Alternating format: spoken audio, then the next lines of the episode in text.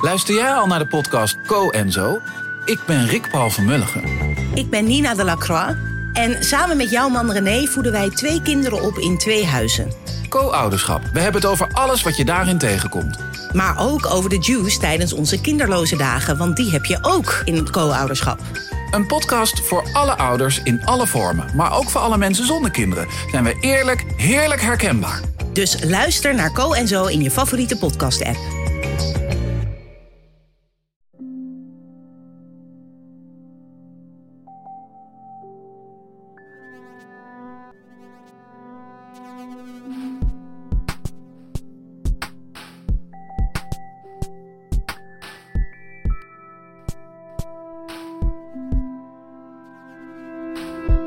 Hallo, ik ben Pieter van Relaas.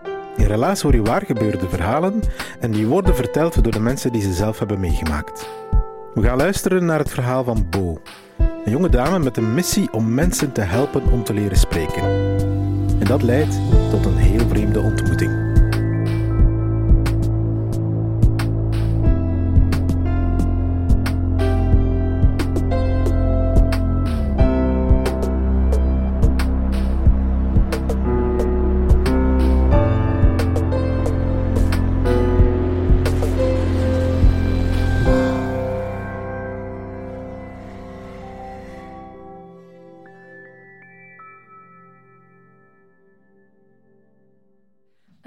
Mijn 18 jaar had ik een luxe probleem. Tenminste, mijn ouders en mijn vrienden die vonden dat een luxe probleem. Zelf vond ik het een verschrikkelijk probleem. Ik, eh, ik wist echt niet wat ik wou gaan studeren. Eh, het probleem was eigenlijk dat ik eh, alles wou gaan studeren. Ik had interesse in alles. Ik wou talen studeren, rechten studeren, geneeskunde, kinesiotherapie, logopedie. eh, eigenlijk alles. Eh, er was maar weinig dat ik niet wou. En ehm, ik heb eh, van alles geprobeerd om dat probleem op te lossen. Ik heb een hele avond in mijn kamer geweend. Heeft niet gewerkt. Ehm, ik heb met mensen gaan praten. Heeft ook niet gewerkt, want ik werd alleen maar meer geïnteresseerd omdat ik al die mensen zo tof vond. Van, wow, ik wil het ook doen.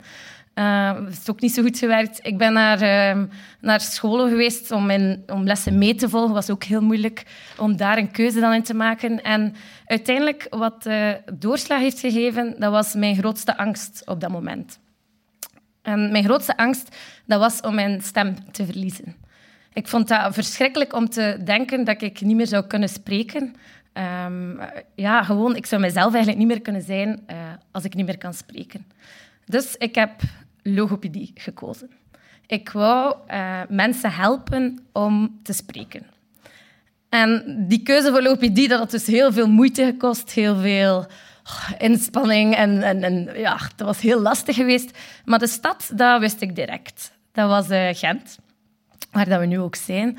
Uh, ik had dat gekozen omdat eigenlijk heel veel vrienden van Brugge van mij naar, uh, naar Gent gingen. En uh, het was dan ook augustus en ik ging met mijn papa een kot gaan zoeken. En ik vond een kot, ons oog viel op een kot in de Kunstlaan. voor de mensen die van Gent zijn, ik ken dat misschien. Voor de anderen, dat is een, een lange straat. Of ja, eigenlijk niet zo lange straat, maar een brede straat.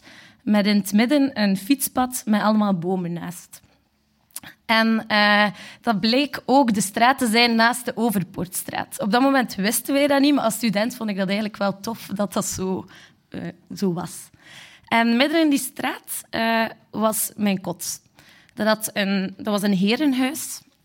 En er was een groene, een donkergroene deur. En als je binnenging in die deur, dan had je een trapje om naar beneden te gaan. En daar was dan de keuken. Op zijn minst, dat was een keuken omdat er een fornuis stond, maar voor de rest was dat een, een kroezelige kelder uh, met wat borden en potten en pannen die daar stonden en waarvan je niet wist of het wel gezond was of die eigenlijk te gebruiken. Dat was zo'n beetje de, de keuken. En er was daar ook een toilet en een douche die wij met acht moesten uh, delen. En in dat gebouw waar wij dus met achter waren drie verdiepen. En op elk verdiep zaten er twee of drie mensen. En ik zat op het uh, derde verdiep. Ja, of ja, tweede van, als je de benedenverdieping ook meerekent. In kamer nummer zeven. En als je die kamer binnenging, dan had je aan je linkerkant een bed. Daarnaast een bureau. Daarnaast een, een lavabo. En dan had je het pronkstuk van mijn kamer.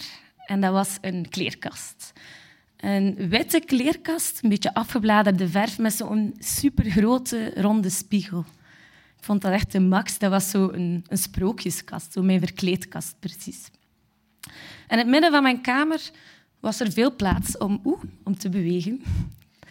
Dus daar kon je veel bewegen. En uh, dat was mijn kot. En ik had er echt heel veel zin in. De eerste week in Gent begon. En dat was, ja, dat was fantastisch. Ik had daar keihard naar uitgekeken. Ik had superveel vrienden in Gent. Ik had uh, mijn Guido-gids gekregen. En in de Guido-gids zit er een, uh, een, een, kaart van Gent. En op, in die tijd had ik nog geen smartphone met Google Maps. Dus met mijn kaart ging ik de hele week in Gent op stap en ik zocht naar waar ik moest. Ik probeerde de quote van mijn, uh, ja, de mensen die ik al kende in Gent te zoeken en daar naartoe te gaan. Ik heb de Overpoort ontdekt toen. Uh, ik heb van alles gedaan in die eerste week. Dat was echt zo'n overweldiging van wow, Gent. Naast Brugge is dat hier echt wel woe, ja, de max. En uh, ja, ik, dat was fantastisch. Nu, de tweede week begon. Weer even fantastisch, weer nieuwe quota gaan bezoeken, mensen die bij mij komen. Uh, tot ergens in het, uh, in het midden van de week.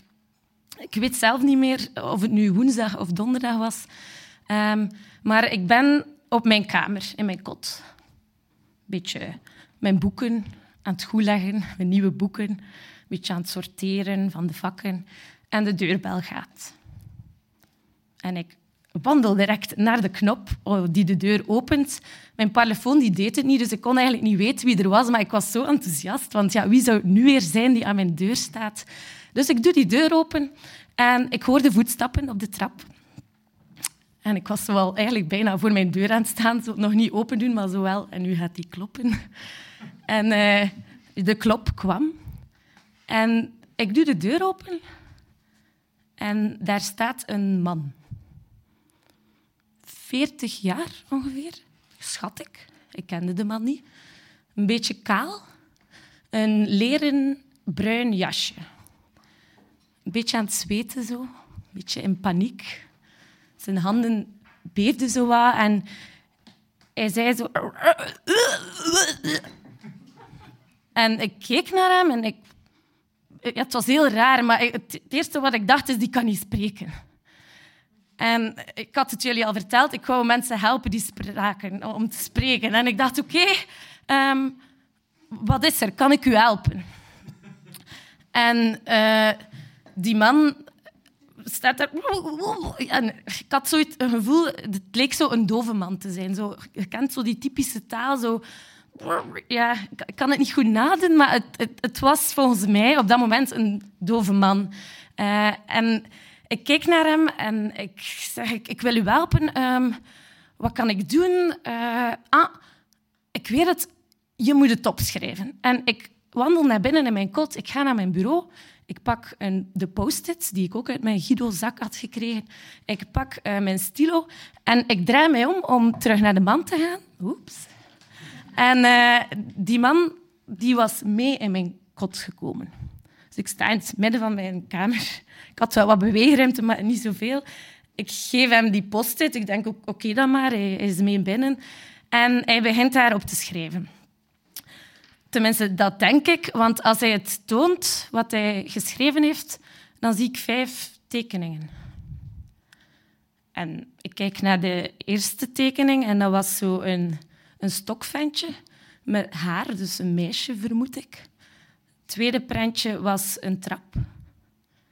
Het derde prentje was zo een, ja, een, een, een, hoofd met een hand voor. Het vierde prentje was weer een hoofd met iets ervoor, maar ik, kon niet goed zien wat. En het uh, laatste prentje was een huis met een vraagteken. En ik kijk naar hem en ik zeg, ja, sorry, maar kan je echt niet schrijven? Want ik... Allez, ik, ik, ik, weet echt niet wat dat is. En die man kijkt zo naar mij met zo een, een, een blik van... Oh, oh, ik, zo, ja, paniek en die armen bewogen. En ik dacht, Bo, denk na. Je moet die helpen op een andere manier. En ik zei, beeld het uit. Uh, en die man lacht naar mij en hij knikt. Dus ik dacht, oké, goed idee, dat, dat kan. We gaan, we gaan uitbeelden. Dus ehm, hij uh, pakt mijn hand en hij zet mijn hand zo uh, voor zijn eigen mond. Dus zo. Hè. En uh, hij doet zo... Dus hij zuigt aan mijn hand. En um, ik ben zo aan het denken en, en aan het doen en ik zeg... Ah, een gasmasker. Ja, gasmasker. En hij knikt heel enthousiast. En ik dacht, yes, ik heb het eerste woord. We zijn goed bezig. We zijn goed bezig. En uh, met dat ik zo blij ben, euforisch, want het eerste deel van mijn uh, raadsel had ik al, uh, wijst hij naar de stoel en zet hij die in het midden van mijn kamer. Hij, hij, doet teken dat ik erop moet gaan zitten, dus ik ga erop zitten. hij gaat op zijn knieën voor mij zitten en ehm, hij wijst naar mijn, naar mijn schoen. En hij kijkt zo eens naar mij met een soort vragende blik. Dus ik zeg, schoen, sok. En hij, hij knikt zo wat van nee. En hij pakt mijn schoen. Ik had zo'n um, zo'n bruin botje aan, weet wel, die zo wat overrafelt. Zo'n typisch botje dat je gewoon kan uittrekken. En hij trekt mijn schoen uit. Uh, en ik was zo aan de war van, moet dat nu? Allee, we kunnen toch uitbeelden zond, allee, met schoen maar ja, oké, okay, we gaan verder. Dit is misschien nodig voor zijn, voor zijn volgende woord. En um, ik zet mijn... Allez, hij, pakt mijn voet en hij zet dat tegen zijn neus. En ik zei, oeh, maar oeh, die ruiker... Allee, ik had dat niet gewassen. En, uh, en hij, hij begint daar zo aan te ruiken en ik denk plots, ja, ja, ja, ja, stinkkaas. En hij kijkt naar mij en weer al ja, is hij zo heel enthousiast aan het knikken. Maar dan dacht ik, maar allee, stinkkaas en gasmasker. Dat, allee, ik, ik, kan dat niet, ik, ik kan dat niet rijmen met dat. Ja, en, en, en met dat ik zo aan het denken ben, heb ik niet door dat hij eigenlijk verder aan het ruiken is aan mijn, aan mijn voet. En op een bepaald moment ruikt hij zo heel zo beetje hetzelfde als met mijn hand. Waarop dat ik uit mijn gedachten word getrokken en, en kijk naar hem met mijn voet wegtrek en zeg, allee, wat, wat, wat, wat, gebeurt er? En hij, uh, hij kijkt weer met zo'n soort triestige blik. En hij, hij zegt zo, scusi, scusi. En ik dacht, oh, dat, is het eerste woord dat ik begrijp, maar dit is geen Nederlands. Uh, ja, en hij was zodanig aan het excuseren. Ik had eigenlijk een beetje medelijden. En ik zei, ja, het is niet, het is niet erg, maar sorry, ik, ik weet eigenlijk echt niet wat er gebeurt.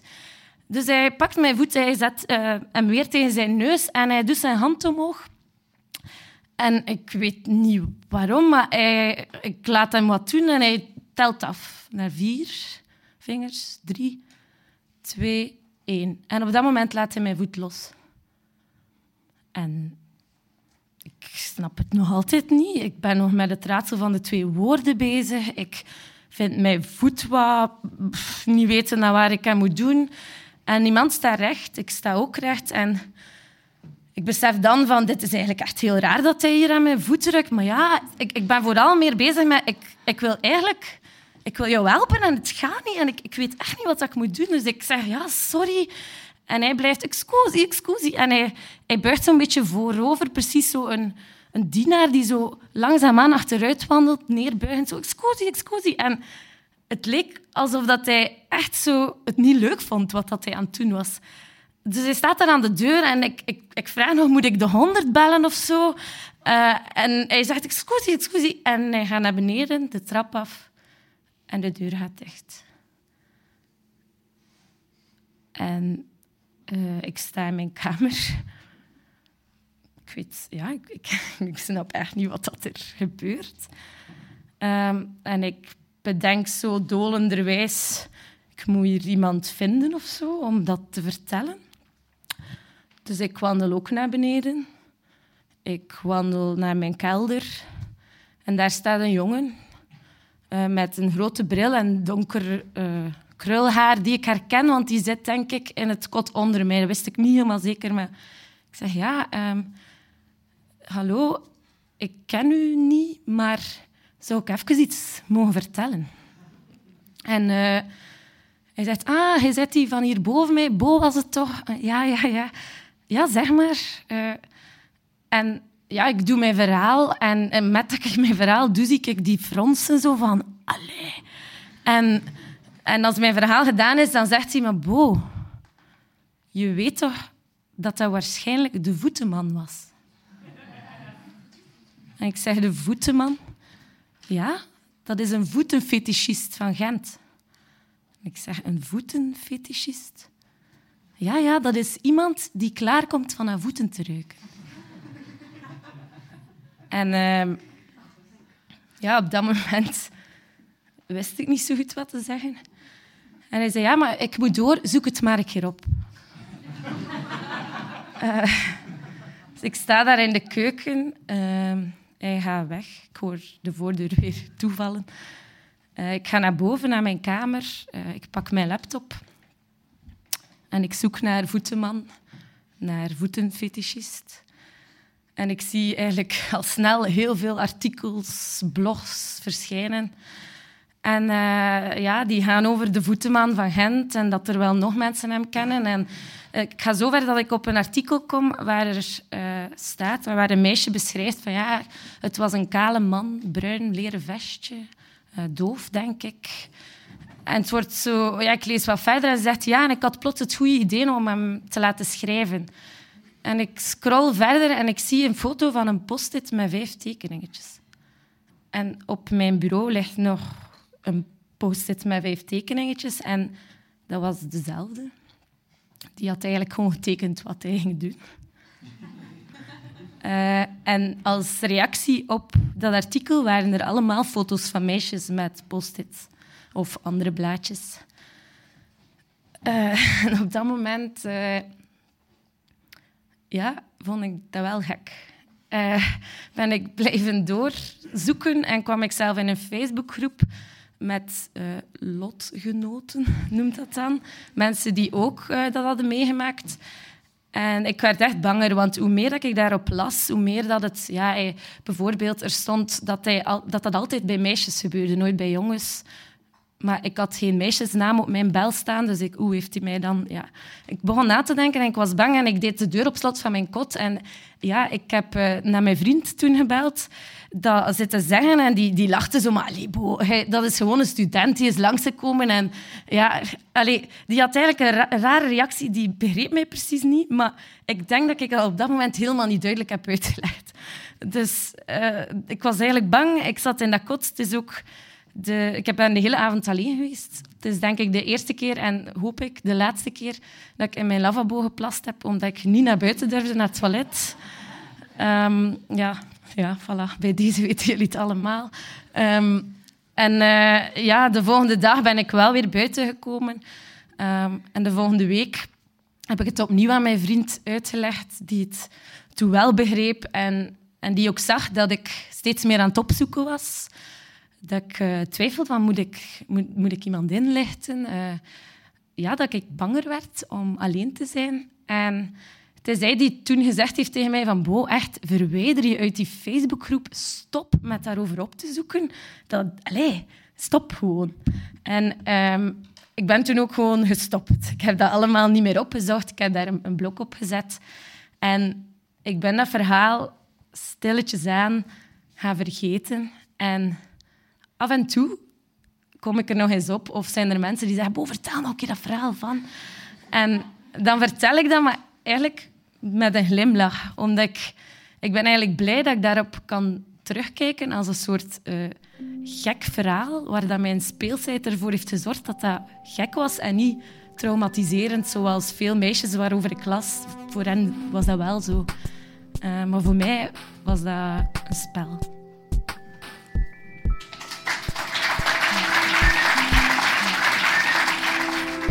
Dat was het relaas van Bo. Ze heeft het verteld in Husset in Gent, in januari van 2020. En de mensen in het publiek die zaten met een redelijk what the fuck gevoel naar elkaar te kijken, naar dat verhaal. En geloof het of niet, echt gebeurd, maar in de zaal zat nog iemand die net hetzelfde had meegemaakt. Het gaat dus wel degelijk om een serie ruiker. Misschien ken je iemand die nog moet gewaarschuwd worden tegen deze voetenruiker. Wel, als je zo iemand kent, stuur die dan dit verhaal door. Op die manier bewijs je hem of haar een grote dienst. En je doet er ons ook een plezier mee, want zo krijgen wij een nieuwe relaasluisteraar erbij. Relaas komt tot stand dankzij de afdeling cultuur van de stad Gent en van de Vlaamse gemeenschap. Onze partners zijn Chase, Den Hopzak, Huset, Pulp Deluxe en Urgent FM. Wist je trouwens dat onze podcast elke vrijdag wordt uitgezonden op Urgent FM? En deze microfoon? Wel, die staat in de studio van Urgent. Oh ja, Relaas is sinds kort ook lid van het podcastgezelschap Luister. Als je nog andere goede storytelling podcasts zoekt, wel luister met een y.be, daar vind je ze.